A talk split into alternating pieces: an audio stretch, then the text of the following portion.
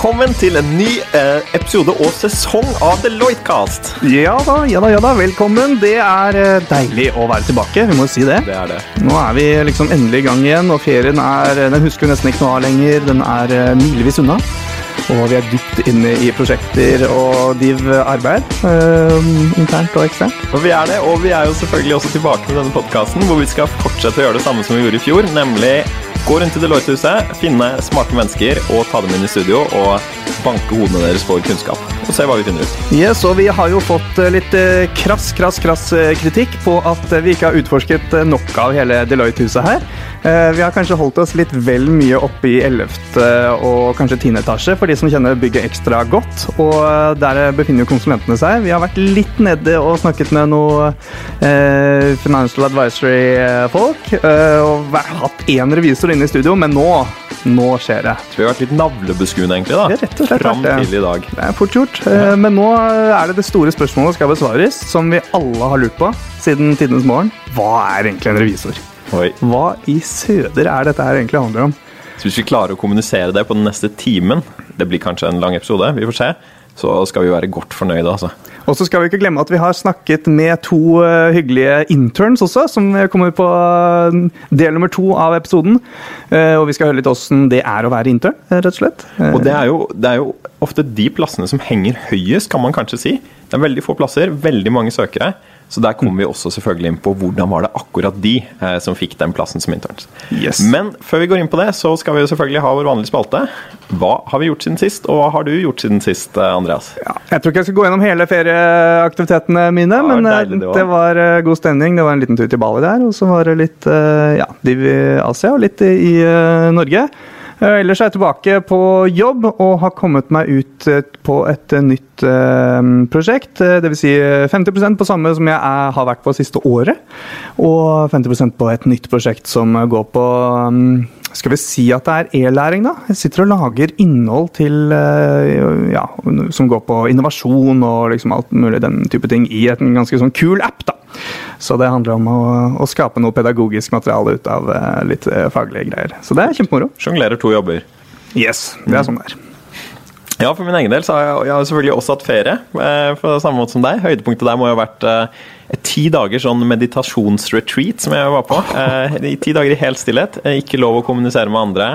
Og kun da meditere ti timer eh, hver av de dagene. Det var fryktelig spennende. Det er så herlig alternativt at uh, det er helt nydelig. Hvis eh, folk får lyst til å gjøre det, så er det Vipassana det heter. Det kan man søke opp, eh, eller komme og ta en kaffe om det.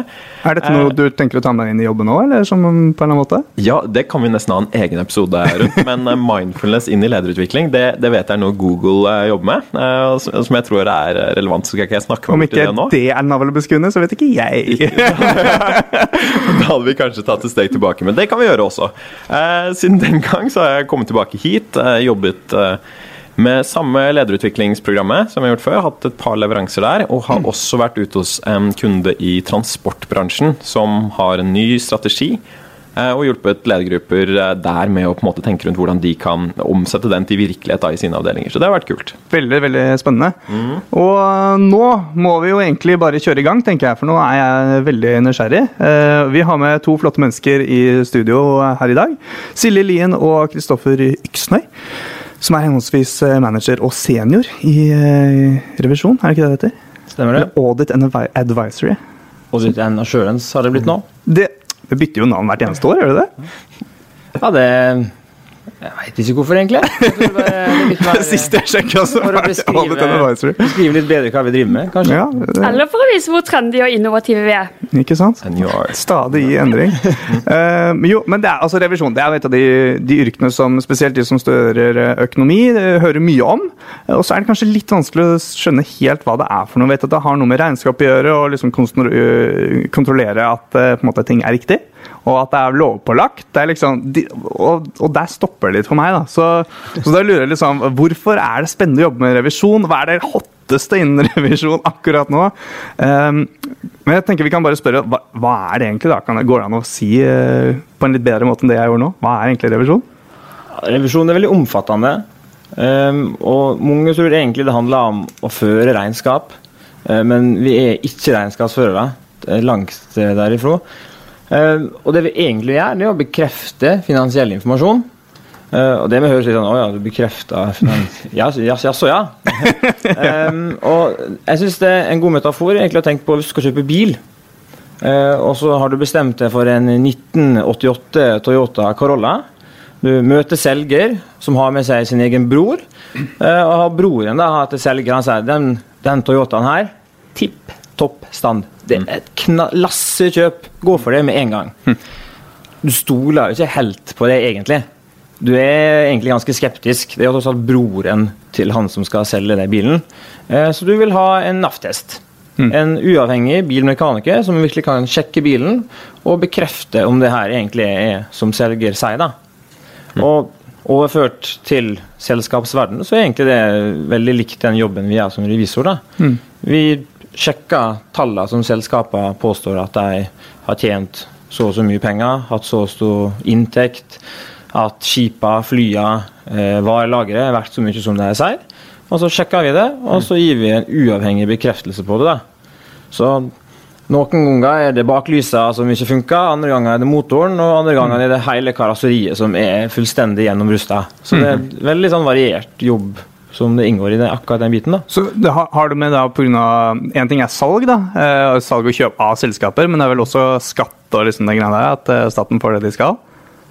Det stemmer. Eh, sånn som Kristoffer eh, forteller med bilhistorien sin her, så er jo vi en tredjepart som bekrefter eh, f.eks. regnskapene til både børsnoterte selskap og privateide selskap.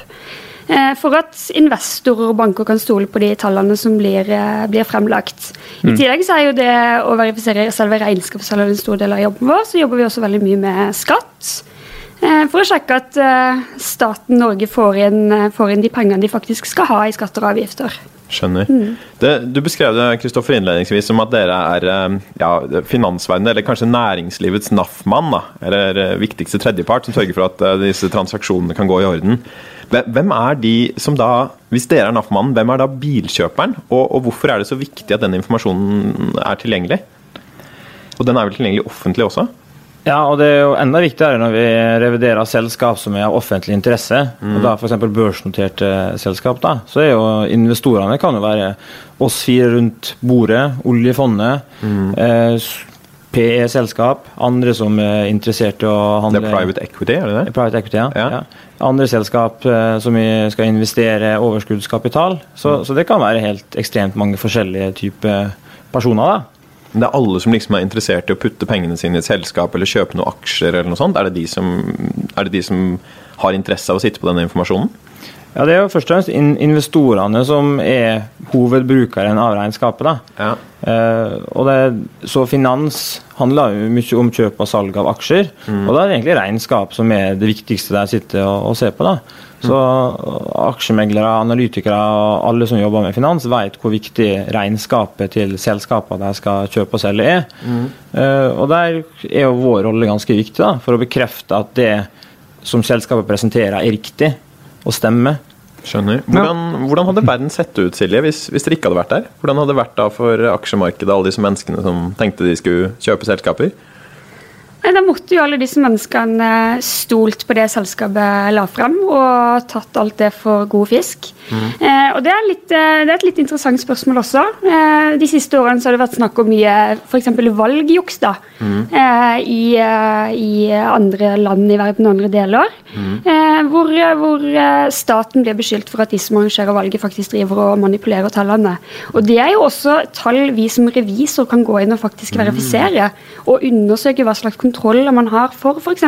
valgordninger. Og så sier det at jo, men vet du hva, dere har faktisk en valgordning som funker.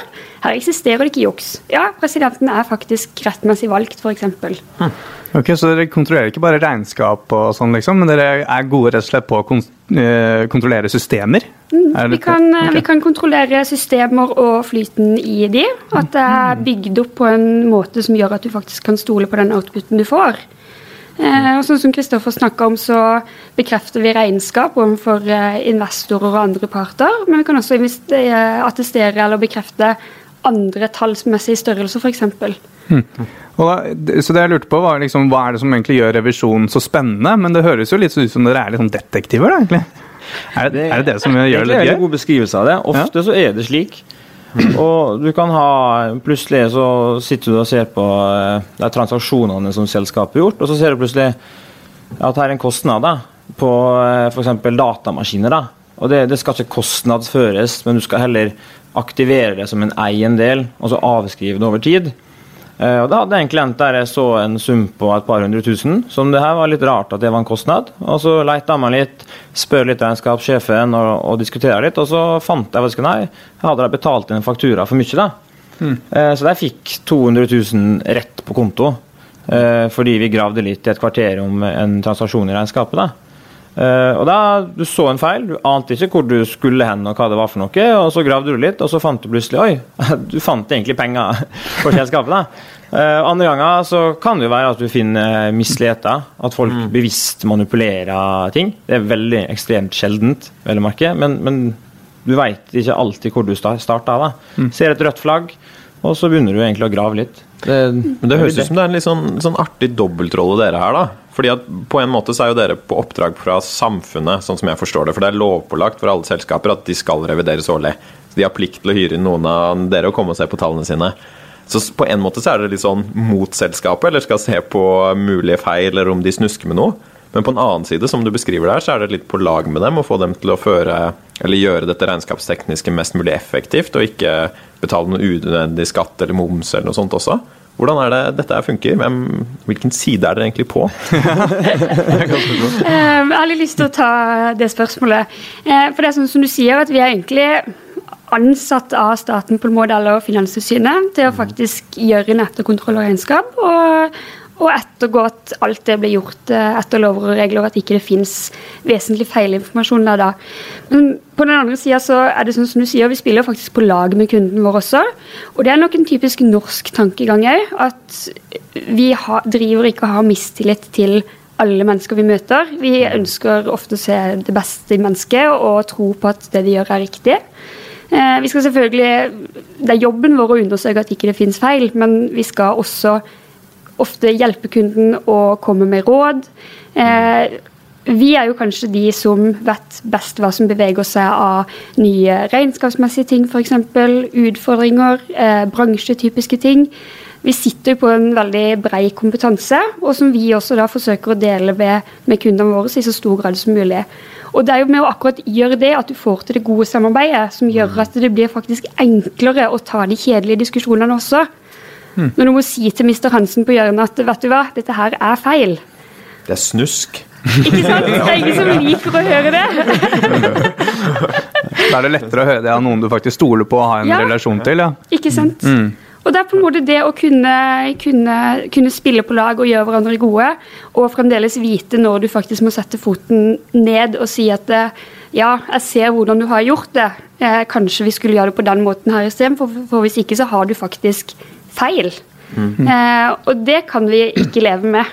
Det kan godt være at du kan det, men investorene dine og banken din som faktisk gir deg lån til å drive den virksomheten de har, de vil jo ikke fortsette å gi deg lån hvis regnskapene dine er sånn her og sånn her feil. For Det er jo et spennende sånn aspekt litt sånn samfunnsmessig. da, At banken på en måte sitter jo og forvalter penger som, som vi spytter inn. altså Hvis jeg sparer pengene mine, da, som de skal prøve å fordele på de bedriftene som da gir best mulig avkastning, sånn at de igjen kan fordele det på, på renter til meg. og Sikkert ta ut litt til sin egen profitt også. Og det er vel der deres rolle er, da, å, å faktisk sørge for at pengene ender opp der de bør ende opp. Ja, vi prøver i hvert fall på det. Ja. Og, det og det er jo I et regnskap og i tallene til selskapene så er det ofte en del tall som ikke er et konkret bestemt tall. Det kan kanskje være sånn, et estimat. da. Sånn, ja, det kan være 100 millioner, men det kan også være riktig å si at det er 150 millioner. Uh, og Da er det ofte at ledelsen i selskapet har store liksom, subjektive vurderinger. da. Vi mener at verdien på det her er så og så stor. Uh, og Da må vi komme inn og gjøre en vurdering. da. Er det selskapet, ledelsen, det de vurderer her, er det riktig? Fordi Konsekvensen av at det, er, at det, blir forskjellig verdi, er jo at de betaler mer eller mindre skatt? ikke sant? Eh, mer eller mindre skatt også, selvfølgelig, men Ja. du har jo da inntektene til eh, selskapet. da. Mm. Det kan jo være at det, det er egentlig det er på kanten til konkurs. Mm. Så det å få 100 millioner ekstra som går rett ned på bunnlinja og egenkapitalen til selskapet, så ser det plutselig fryktelig bra ut. da kommer investorene løpende Ja, og kaster bort pengene sine på Men- noe som egentlig ikke funker. Ja, men hvis du egentlig hadde hatt 100 millioner lavere, så er egentlig selskapet i praksis konkurs. Mm. Um, og det kan jo også være på altså, gründerselskap. da. Vekstselskaper og teknologiselskap. Der har det vært eh, selskap i historien som har vært basert på luft. Og så, eh, når det blir oppdaga, så er det for seint. Da er det veldig mange som har, har tapt eh, sparepengene sine. da. Så, men jeg har et spørsmål. eh, For Vi har lest denne boka 'Verdien av tillit', som er skrevet av Deloitte, og som tar for seg revisjonens historie, som, som åpenbart går veldig veldig langt tilbake. Og Vi har fått et spørsmål av lytterne våre knyttet til det, nemlig er det, hvilket yrke er eldst? Er det revisjon eller prostitusjon? Takk for det, lyttere. Takk for det. Eh, vanskelig å si, egentlig. Ja, For det går virkelig så langt tilbake, altså. Ja, det er veldig gammelt. Ja. Det, altså, det heter kanskje noe annet og var en annen form og, og den type ting, men tillit har jo alltid eksistert. Mm. sant? Når du skal sjøl i stammesamfunnet du må, sånn, Vi skal ikke drepe hverandre, vi skal bo i lag og s- jakte og ja, hente mat i lag.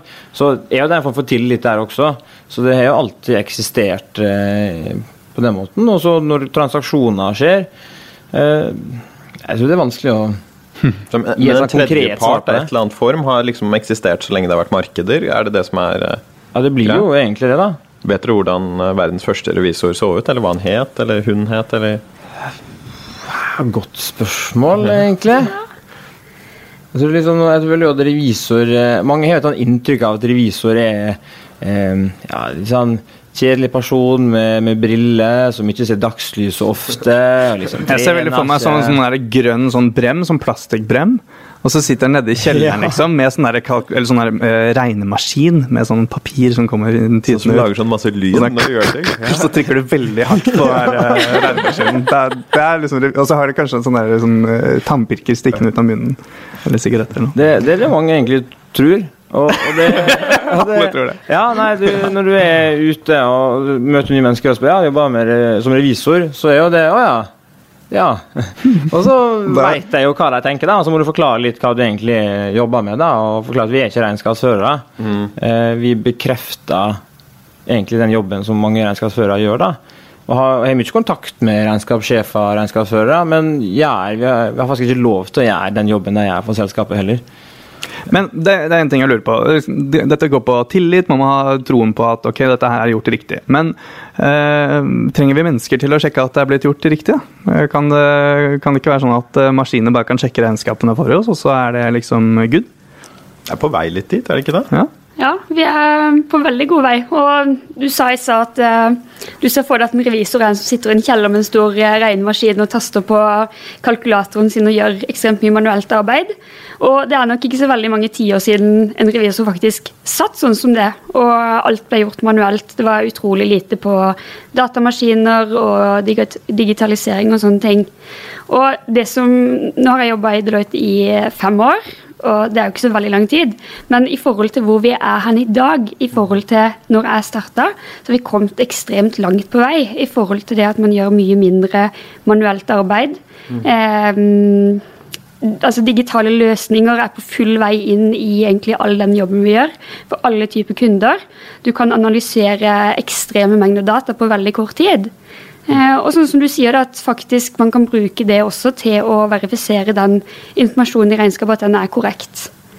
Og så er vi nok ikke der nå, og det vet jeg ikke om vi noensinne vil komme heller, at datamaskiner og digitalisering kan ta over all den jobben man faktisk gjør for å verifisere regnskapet. Men veldig mye av det vil nok bli, bli tatt over etter hvert. For Dere snakker jo litt om at det er kanskje to ting her. Noe av det er, høres ut som kan automatiseres, at det er ganske regelstyrt. Altså Stemmer dette faktisk med virkeligheten? liksom? Og noe av det som du beskrev litt, Kristoffer, er kanskje mer synsende, eller hvor du må gjøre mer vet ikke, faglige vurderinger. da. Hvor mye er faktisk dette verdt? Så er det, går det mer at dere må gjøre mer av det faglige vurderingen, og at, eh, at robotene tar mer av det som er regelstyrt? Jeg, jeg, jeg tror det er at du aldri vil helt kunne kvitte deg med revisor. For det, vi sitter egentlig og gjør veldig mange skjønnsmessige vurderinger, mm. der vi bruker vår erfaring, kompetanse og ja, realitetene til den konkrete situasjonen, da, og gjøre en vurdering. Um, og Problemet med robotisering og den type ting er at du må ofte lage regler. Uh, intelligensen til maskinene har fortsatt et stykke å gå.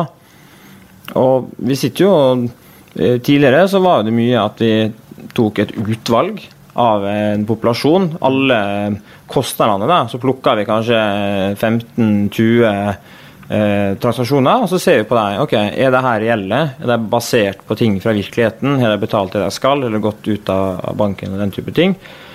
Det som kommer til å bli mye mer av, er at i stedet for å trekke ut et utvalg, så kjører vi bare alle transaksjonene inn i systemanalyse, kontrollerer systemet, og så ser vi på det at oi, her er fem transaksjoner som ikke har fulgt den vanlige ruta for godkjennelse i systemet og, og transaksjonsflyten. da. Og så har vi plutselig plukka ut de fem feilene som kanskje er der, eller har stor risiko for det. da. Mm. Uh, jeg tror den type ting kommer til å bli mye mer av. da. At vi gjør veldig lite manuell jobb. Vi får bare big data kjørt gjennom et system, og så angriper vi eh, regnskapet der vi mener det er størst risiko for feil. da. Mm. Og mer at det blir effektivt. da. Men at du fortsatt må ha revisor til å gjøre de vurderingene på, på selskapet man gjør. da. Betyr det også at uh, bare for noen år siden så var det å kanskje starte revisjon var en, en typisk mer repetitiv uh, jobb, fordi man ikke har erfaringen og forståelsen og alt mulig sånn ennå? At det, er, det, var da liksom de mer senere som kanskje gjorde de avgjørelsene, mens du måtte sjekke mer ting, men nå kan man kjappere komme til uh, vurderingsbiten? Kjenner du på det, Silje? Det som er ja, jeg ser nok det nå at i forhold til da jeg starta, så um, gjør de nyansatte de gjør det gjør nok mindre av de repetitive tingene enn hva vi gjorde før. Eh, man klarer å bruke mer tid på det som faktisk betyr noe, sånn som Kristoffer fortalte, at du kan faktisk trekke ut de fem tingene i alle transaksjonene dine som det faktisk er en feil knytta til. Mm. Eh, og du kan bruke mer tid på eh, de tingene som også er viktige for kunden din, f.eks. For i forhold til vurderinger, eh, estimater, hva som faktisk krever skjønn, da, og hvor vi òg har anledning til å utfordre kunden og gi en verdi til de. Mm. Er det, og det er jo mye mer morsomt å drive med, egentlig. Ja. Hva betyr det for kompetanse og liksom hva slags type Hva slags folk trenger dere i framtiden kontra nå? Blir det noen endring på det? Jeg tror fra, fra, altså fra, før så har vi ofte vært økonomer. Mm. Ganske nesten utelukkende. Eh, og det vil man fortsatt trenge. Og så er det kanskje at vi ser at vi er i ferd med å gå i litt mer retning der vi ønsker folk med eh, teknologiforståelse eller interesse. Eh, og det ser vi også er på vei inn i økonomistudier. At det er mer teknologifag og teknologiforståelse, systemforståelse. Uh, og så vil det nok også være behov for de som nesten utelukkende har en ingeniørbakgrunn. da. Mm. Fordi vi skal gjøre ganske mye teknisk eh, innovasjon i revisjonen også. da. Og også forstå den teknologiske utviklinga som skjer i selskapene. At man har de som faktisk setter opp roboten og setter opp de eh, tekniske løsningene i revisjonen også, ja. Mm. Ja, absolutt. Og så, ja, man trenger, man trenger de menneskene som har en kjempegod forståelse for det, men så må vi fremdeles ikke glemme at det vi driver med i bunn og grunn, det handler om faget vårt, og ikke bare robotics og analyser og alle sånne ting. Men vi skal faktisk, eh, faktisk ha en forankring, da, som det så pent heter. I, eh, ja, I faget vårt også. For det er disse skjønnsmessige vurderingene det kommer ned til til slutt. da og da må du ha noen som skikkelig er revisorrevisorer. Noen som kan det ordentlig. Så Høres litt ut revisor-revisor. Ikke bare leker. Du har rollen som revisor, da, ser Ja. Nei, men det er, ofte der altså, uenigheten oppstår med selskapene. Der det er skjønnsmessige vurderinger. De mener at selskapet er verdt mye mer enn vi mener. Mm -hmm. uh, og Det kan man jo se også fra media, da, der er diskusjoner og revisor faktisk har trukket seg, f.eks. Mm. Uh, så det, det, kan ofte være litt ja, Ikke oppheta krangel, men litt uenighet. da. Og så må man finne en løsning der man er enig. Og, eh, og det, det, er vanskelig med skjønn. da. Du er ikke et fasitsvar. Mm. Noen, noen ganger er det kanskje vi som egentlig kan ta, ta feil, da. mens andre ganger, og oftest, så er jo det kanskje selskapene. Og det er jo klart, Vi ser, på, vi ser ikke på kun på vår egen vurdering. Vi kan jo benchmarke og se hva konkurrentene gjør. Mm. Og så Hvis vi da ser ok, konkurrenten din har jo halvparten av verdien med omtrent akkurat samme forutsetningene, så, så det er jo litt rart. Og da ja. Sånn, hva, hva, tenker du rundt de som ønsker å bli revisorer, eller som går rundt på handelshøyskoler nå? Hva slags ferdigheter bør de investere i hvis de skal holde seg relevante? Er det bare å, å gå gjennom det som måte, skolen presenterer deg av pensum, eller bør du tenke litt utenfor det også? Jeg tror nok det er viktig det som Kristoffer sa, at du må ha en interesse for teknologi. Mm. Eh, det nytter nesten ikke å trappe opp første dagen i Deloitte og tro at du ikke må kunne Excel for å komme gjennom en arbeidshverdag, f.eks. Mm. Eh, det å være nysgjerrig og undersøke hva som finnes av nye muligheter. Eh, være litt pådriver, da. Eh, og så er det også viktig at det er veldig mange som tror at du kun må sitte på lesesalen og få A i snitt for å få jobb i Deloitte. Og det er klart det at du skal være faglig dyktig, men vi er jo også veldig opptatt av å ha det bra på arbeidsplassen, ha det gøy. Mm. Eh, du må ha med den sosiale intelligensen også. Det, både i forhold til kollegaer og òg overfor kunder. Mm. Mm. Ja, det er klart. Det er jo, du møter jo veldig mange forskjellige folk. Og det litt sånn som vi snakka om i stad, at noen syns jo at eh, revisor er belastning. Eh, alle ser kanskje ikke helt verdien vi kan, kan bruke oss til. Og det, det, er klart Når du kommer og skal kontrollere for prosessen på et varelager, da, og du møter en eh, varelagersjef som har gjort jobben sin i 30 år, og så kommer du som eh, så vidt eh, tørr bak øra og skal kontrollere det her, da, at det her får gå riktig, så, så, er det jo ofte litt motstand på det. da.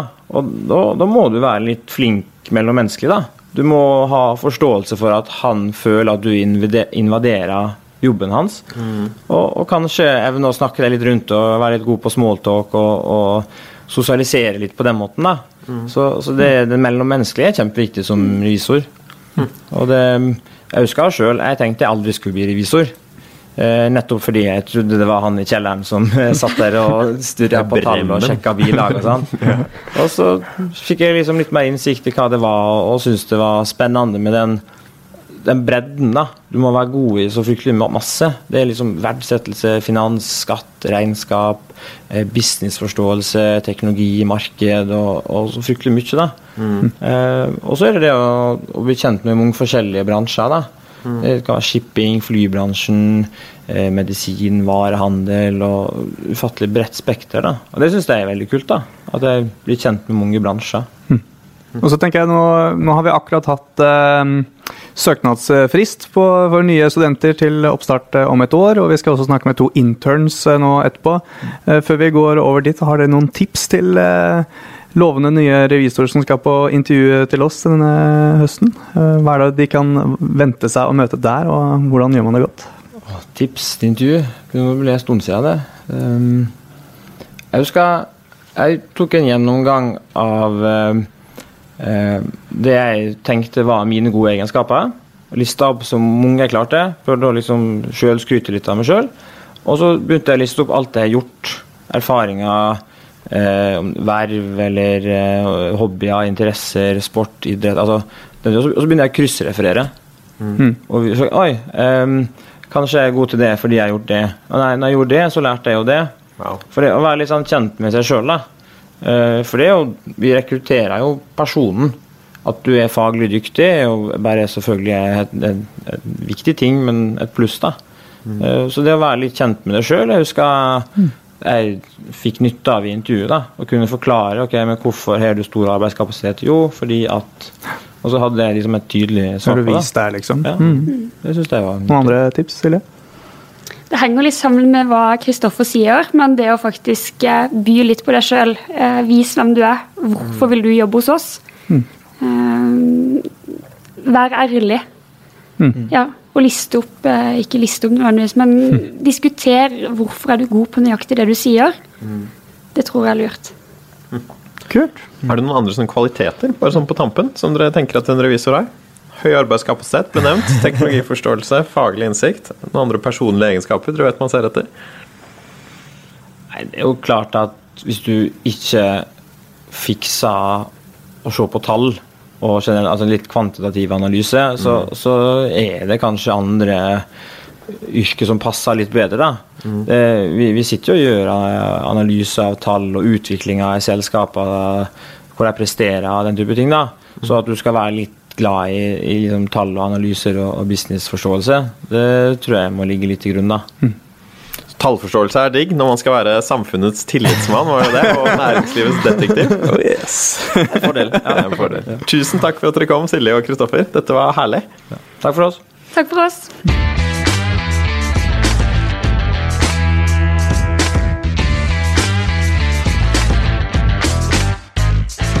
Ok, da sitter vi her med Veronica Gulseth og Morten Burkeland. Det stemmer. Um, som er blant seks sommerinterns, er det riktig? Som vi har her i Deloitte i sommer? Sju. Syv er vi. Okay. Ai, ai, ai, research failed. It's head on the dagens næringsliv. Ja. Uh, men i hvert fall velkommen til oss. Um, takk, takk. Dere er jo plukket ut da blant uh, samme kilden som på Sex Interns, men 435 søkere uh, for å prøve dere en jobb her som konsulenter her i sommer. Godt jobbet. Takk, takk. takk. Ja. Hvordan har... Få plass der? Nei, ikke sant? Hvordan har sommeren vært? Jeg vil si det har vært en helt super sommer. Eh, jeg hadde et mål om å finne ut hvordan konsulentbransjen fungerte, om det kunne være noe for meg, og det føler jeg så absolutt har fått svaret på. Mm. Så, det er et rungende nei, eller?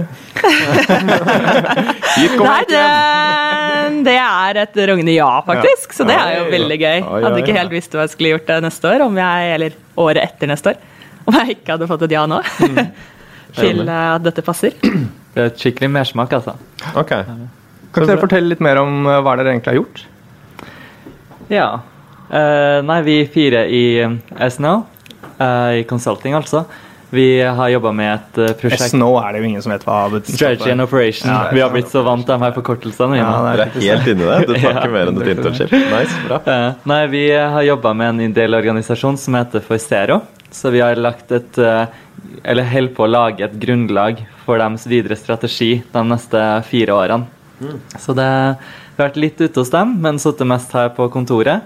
Eh, så nå skal vi presentere våre anbefalinger for de neste fire årene for mm. dem i neste uke. Og De driver med sånn utslipp og den type ting? er det det? Ja, de jobber for nullutslipp. Mm. Mm. Men det er, en ganske, det er en ganske stor og seriøs aktør. da. Jeg har vært på den Zero-konferansen et par ganger, mm. som er noe av det bedre av konferanser som, som jeg har vært på.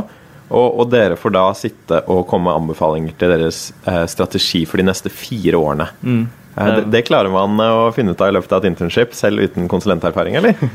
Ja, vi har jo et håp om at det kan være noe gode anbefalinger her, i hvert fall. Og ja. det som er veldig gøy, er at eh, de som var sommerinterns i 2014, eh, jobbet også for Zero. Mm. Eh, og de fortalte oss nå det første møtet vi hadde med Zero, at det er mange av anbefalingene de kom med, som de faktisk har tatt i bruk. Så kult. Så det er jo veldig stilig. Kanskje noe av det vi anbefaler nå neste uke, er noe vi ser om et par år. Hvordan så den uh, prosessen ut, da? Fra, fra dere kom hit uh, første dag, og er det fem uker? Seks uker? Det er syv ukers internship. Syv uker. Men vi har hatt tre ukers sommerferie også, så det er eh, en stund siden vi kom første dagen. Ah, mm. Men hvordan har liksom prosessen da sett ut, fra, for da er det fire uker på jobb, uh, mm. med, å, med, å, komme fram til disse anbefalingene? Fra liksom eh, start til slutt? Ja. Nei, eh, den første uken gikk med på å egentlig bli litt kjent med Zero. Eh, og lage det vi kaller for et mandat for dette prosjektet. Som da er på en måte kontrakten vår med, med kunden, som sier dette er det vi skal levere. Og da er det jo oss fire sommerinterns, en prosjektleder og en ansvarlig, som er på hele prosjektet. Så vi har jo hatt noen fingre med i alt, egentlig. Eh, og så hadde vi mye datainnsamling, hvor vi intervjuet mange ansatte i Zero. Og det var veldig gøy, for da fikk du et ordentlig bilde av hva de faktisk holder på med. Mm. Og så fikk vi sett gjennom mye av deres dokumenter, eh, søkt en del på internett selv. Og så kommet opp med en analyse av hvordan situasjonen ser ut der i dag. da. Og på bakgrunn av det nå prøvd å jobbe fram noen anbefalinger. Så da var det å kartlegge situasjonen nå, før sommerferien, de fire ukene, og så nå bruke tre uker for å komme med anbefalingene våre. Rett og slett. Mm. Det er noe av det som jeg syns er kulest med internship i Deloitte. At vi får sett prosessen fra A til Å, mm. og får vært med og liksom skapt hele både prosjektet og gjort alt sammen selv. Selvfølgelig med veiledning fra prosjektleder og partner, men det har vært skikkelig stilig. Og da er man inne i prosessen, og man kjenner den da, til eventuelt senere. Hvis man begynner her. Så kult. Så det er et lite innblikk, da. Hva er det som har vært mest, eh, mest spennende av det? Eller kanskje hva er det som har vært mest utfordrende når dere har gått gjennom en sånn prosess? Det er ganske heftige greier. Vi jobba veldig lenge med mandatet, men Ja. det som er veldig komplekst her, det er at de er en ideell stiftelse, eh, og da, må det, da har ordlyd veldig mye å si. Eh, for de har en veldig spesiell kultur innad. Så det å på en måte ikke tråkke på noe tær der, det var veldig vanskelig. Så det var veldig mye endring, eh, hvor de kom med innspill, og så var ikke vi helt enige, så det var veldig mye fram og tilbake før vi fikk det endelige mandatet. da. Ja, det, det tror jeg er ganske vanlig, egentlig. At det språket man er vant til fra en organisasjon, eh, eller her internt, er ganske annerledes eh, hos en annen. Mm. Eh, men, men det gikk greit etter hvert? Eller er det sånn du, liksom, du kjente på det gnisninger omtrent? Gikk det greit? Nei, Vi har jo faktisk endra veldig på vår retning Ja. av mandatet underveis. Så da vi eh, leverte nå-situasjonsanalysen, da hadde vi en siste punkt på agendaen hvor vi endra faktisk en del av mandatet. For vi innså at vi måtte endre litt retning. Men de sa seg enige. Etter hvert som dere ble kjent med organisasjonen, liksom? Ja, og hva de hadde behov for. For det var noe jeg syntes var veldig spennende, at man trodde i begynnelsen at det her er jo egentlig det vi burde se på. Men når du blir ordentlig kjent med de forhistoriene til de ansatte, så ser man jo at det, det er jo egentlig ikke det de, vi burde gi råd på. Det er noe helt annet vi kan gi merverdi for Zero for. Det Det syns jeg var veldig stille og fin ut underveis. Kult. Dere hadde jo sikkert noen, noen tanker om hva, hva det var å være konsulent før du begynte her også, regner jeg med, siden dere har søkt på et internship i Deloitte. Eh, hvordan står det til med de antakelsene nå? Er de, tenker dere at de er bekreftet, eller har dere gått på noen overraskelser om hva dette går i? Jeg tenkte jo egentlig at uh, siden jeg hørte at i konsulentbransjen så er det jo veldig sånn du starter som konsulent, og så senere konsulent, og så jobber du deg oppover. At det kanskje var litt spisse albuer for å faktisk nå oppover. Eh, og har egentlig fått et helt motsatt inntrykk eh, etter å ha vært her eh, nå en del uker. For uavhengig av hvem vi spør om tips og råd, så setter alle av tid. Og kjempemange kommer bort til bordet vårt og spør hvordan, hvordan går det, er det noe vi kan hjelpe til med, presenterer seg selv og kunnskapen de sitter på. Så den har blitt helt motsatt av det jeg så for meg fra før av. Så veldig positivt overrasket her. Kult. I med deg, tillegg-? Ja, eh, I tillegg så er det faktisk flere ansatte som har kommet og sagt til meg i løpet av lunsjen eller osv. at det er en veldig forlengelse av studietida. Og det tror jeg egentlig på, for allerede de to første ukene vi var her, så var det jo store fester begge fredagene. Uh, og det er veldig sosialt miljø på jobb, og det virker som mange kjenner hverandre. Og det skjer veldig mye. da, Vi har fått invitasjon til å vært med på masse sosialt, vi også.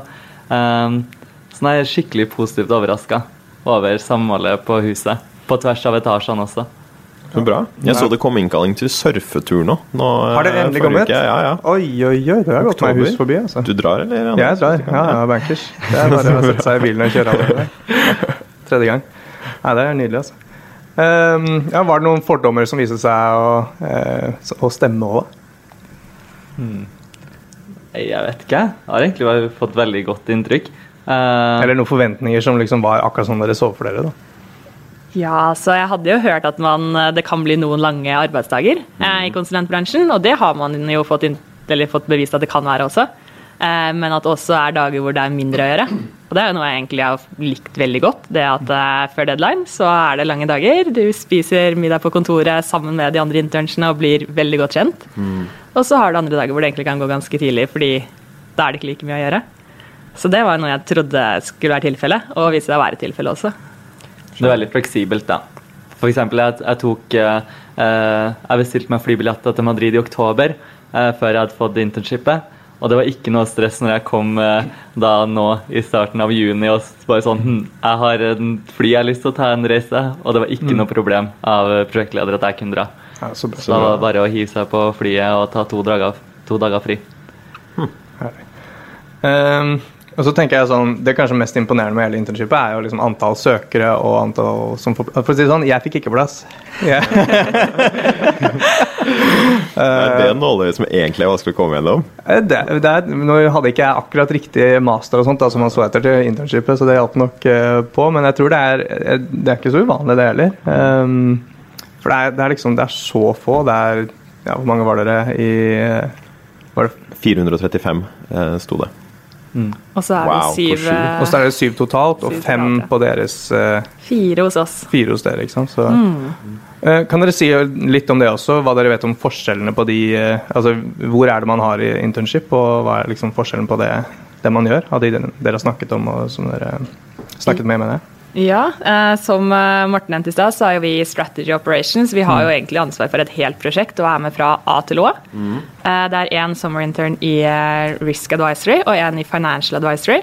Og der er de mer med på forskjellige typer prosjekter, som en liten del av et større Deloitte-team. Og så har du en eh, intern i Deloitte Digital, som er en annen litt leng eh, underavdeling i consulting. Eh, og han har vært med på å programmere og utvikle en app for bildedeling. Så det er ganske forskjellig hva man gjør innad i de forskjellige avdelingene som intern også. Men som Andreas nevnte, så er det, det er jo ganske få som har kommet inn av de eh, veldig mange som søkte. Har dere, har dere noen tanker om, om hvordan dere skilte dere ut, eller? Hva er det som skal til for å, å klare å komme gjennom det nåløyet her? Nei, jeg tenker jo at en veldig viktig ting er å forberede seg godt til intervjuprosessen. Eh, For det er jo der, hvis man først kommer dit, eh, så er det jo å prestere der. Ja, for det er, Du søker, og så er det ett-to intervjuer, eller hvordan er det funker? Eh, Først så søker du, eh, og da får du Hvis man kommer videre til første hakk, så er det sånn eh, QTE, litt usikker på hvordan de taler det, eh, Ja. tester som går på alt fra logikk til eh, hvor eh, raskt du klarer å lese og eh, orientere deg inn i dokumenter. Eh, og så, etter å ha fullført de testene, så kan man komme videre på førstegangsintervju. Og da var det én time eller 45 minutter med personlighetsintervju. Og så gikk man rett til neste rom, hvor det var et case-intervju. Og så gikk man eventuelt videre derfra da, til et annengangsintervju som var med en partner i den uh, avdelingen du skulle. Så det var uh, søknadsprosessen. Hvordan opplevdes den, da? Jeg syns det var veldig ryddig. Uh, fikk rask tilbakemelding, fikk veldig god eh, beskrivelse på forhånd hva vi skulle være med på. Eh, at for det første så var det ikke noe faglig, så det trengte man ikke bekymre seg på der. Og at det skulle være case i det andre. Og da vet man jo litt hvordan man skal forutsette på forhånd hva man skal eh, hva man tenker med seg at man kommer til å få spørsmål om osv. Så, videre. så det var veldig ordentlig og greit. Bra, Det høres ganske heftig ut også. I hvert fall sånn Man, man flyttes liksom fra ett rom til det neste og Ja, er på stadig eh, nye prøvelser. Ja, så jeg brukte ganske lang tid på å forberede meg med case på, før jeg skulle på intervju. Jeg vil gjerne høre litt eh, hvordan, hvordan forberedte dere dere til det? Eh, Jeg satt med to venner eh, mye av tida, og vi utførte litt case på hverandre, faktisk. Ja. Og det ligger masse maler og presentasjoner ute og bøker som man kan laste ned og forberede seg på, så jeg brukte faktisk ganske lang tid på å forberede meg. Eh, Så ble det jo innspurt på flyet ned hvis man skulle det, eller Selvfølgelig. Ja. Ja. Så det var en del timer der, altså.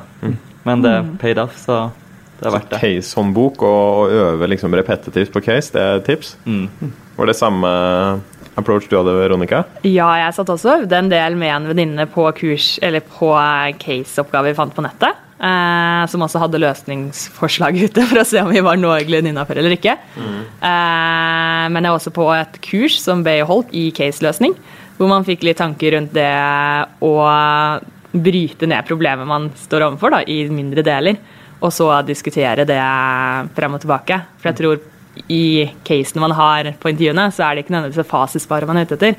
Er veldig mye den tankegangen. Og da tørre å snakke høyt på intervjuet. Det var noe jeg prøvde å øve meg på sammen med venninnen. Vise resonnementet ditt hele veien? Vise resonnementet rett og slett, ja. Og ta pennen og skrive på tavla og virkelig vise hvordan du tenker, da. Skjønner. Hvordan studiebakgrunn har dere? Eh, Jeg tok først en eh, bachelor eh, i økonomi og administrasjon i Kristiansand. Og så går jeg nå en siviløkonommaster på BI Skjønner. med spesialisering i logistikk og supply chain. Ja, og så går jeg på Indek på NTNU og har tatt test teknisk retning innenfor energi og miljø. Og nå skal jeg skrive master innen finans. Hvordan er det å jobbe med en, et prosjekt her som er relativt ulikt fra det dere driver med i studiehverdagen? Har det vært utfordrende? Ja, både ja og nei. Eh, nå, har er det jeg- forskjellig? eh, nå har jeg egentlig en bakgrunn fra energi og miljø som kunne ha passa veldig bra med eh, stereo. Det er sant. Men den delen av prosjektet som jeg har vært stasjonert på, for vi hadde to arbeidsstrømmer, den har vært lite orientert mot den klimaretningen. Det har vært en, en annen del. Eh, men man må jo bare hoppe inni og researche og bruke de ressursene man har rundt seg. For det er så masse på huset der man kan vise seg av i første omgang. Og så er det bare å sette seg på PC-en da, og begynne å google og bli ekspert på noe du ikke er ekspert på. Åssen føles det? Nei, når du klarer det, så føles det veldig bra. Men mm. når du, det kan være sånn overveldende i starten. Men eh, det, man klarer det, og man sitter jo sammen. Og vi jeg og Veronica sparer jo mye med hverandre. Og du føler ikke at du er alene i det hele tatt. Så bra. Så jeg syns nesten det var litt bra å ha noe du ikke kunne så mye om, for da måtte du egentlig bruke ressursene rundt på Deloitte og bli kjent med flere. Så det var egentlig bare en positiv opplevelse, vil jeg si. Selv om det var litt overveldende i starten, som Morten sa. Så bra. Det nærmer seg både slutten på, på internshipet deres og, og på denne podkastepisoden. Men snart er det jo søknadsfrist for de som skal bli sommerinterns neste sommer. Sånn på tampen, har du noen eh, tips til de som er håpefulle og ønsker seg inn i, i den stillingen som dere har hatt nå i sommer? Nei, jeg ville jo satt meg veldig godt inn i hva Deloitte er, eller hva det går ut på. Brukt driftspresentasjonen til å snakke med ansatte for å se om det er et sted du tror du kan trives. Eh, og så forberede seg litt godt på hvorfor tok jeg valgene mine i løpet av min frem så, karriere så langt. Eh, og gjøre gode refleksjoner rundt det, egentlig, som det er forberedt til intervjuene. Ja, veldig enig i det, egentlig. Bare forberede seg og tenke over hvorfor det her er riktig for deg. Og da tror jeg det kommer naturlig. Så bra. Jeg tror også det, det du sier med, med å kunne forklare og tenke litt rundt liksom, hvilke studievalg man har gjort, kanskje hvis man har en litt, eh, litt annerledes vei enn bare eh, siviløkonom-masteren, liksom. Spesielt er det nyttig da, liksom. Eh, Kunne forklare litt sånne ting. Og, eh, ja, det er bra tips. Jeg tror vi skal eh, runde av da, jeg. Eh, Det har vært en veldig hyggelig samtale med dere. Takk i like måte. Eh, Også får dere masse lykke til i siste uka, er det sånn? Mm. Det Ja. stemmer. Jo, takk, takk. Innspurt. Håper Zero blir happy. Ja, det håper vi òg. Satser på det. Takk for at dere kom. Takk for at vi fikk komme.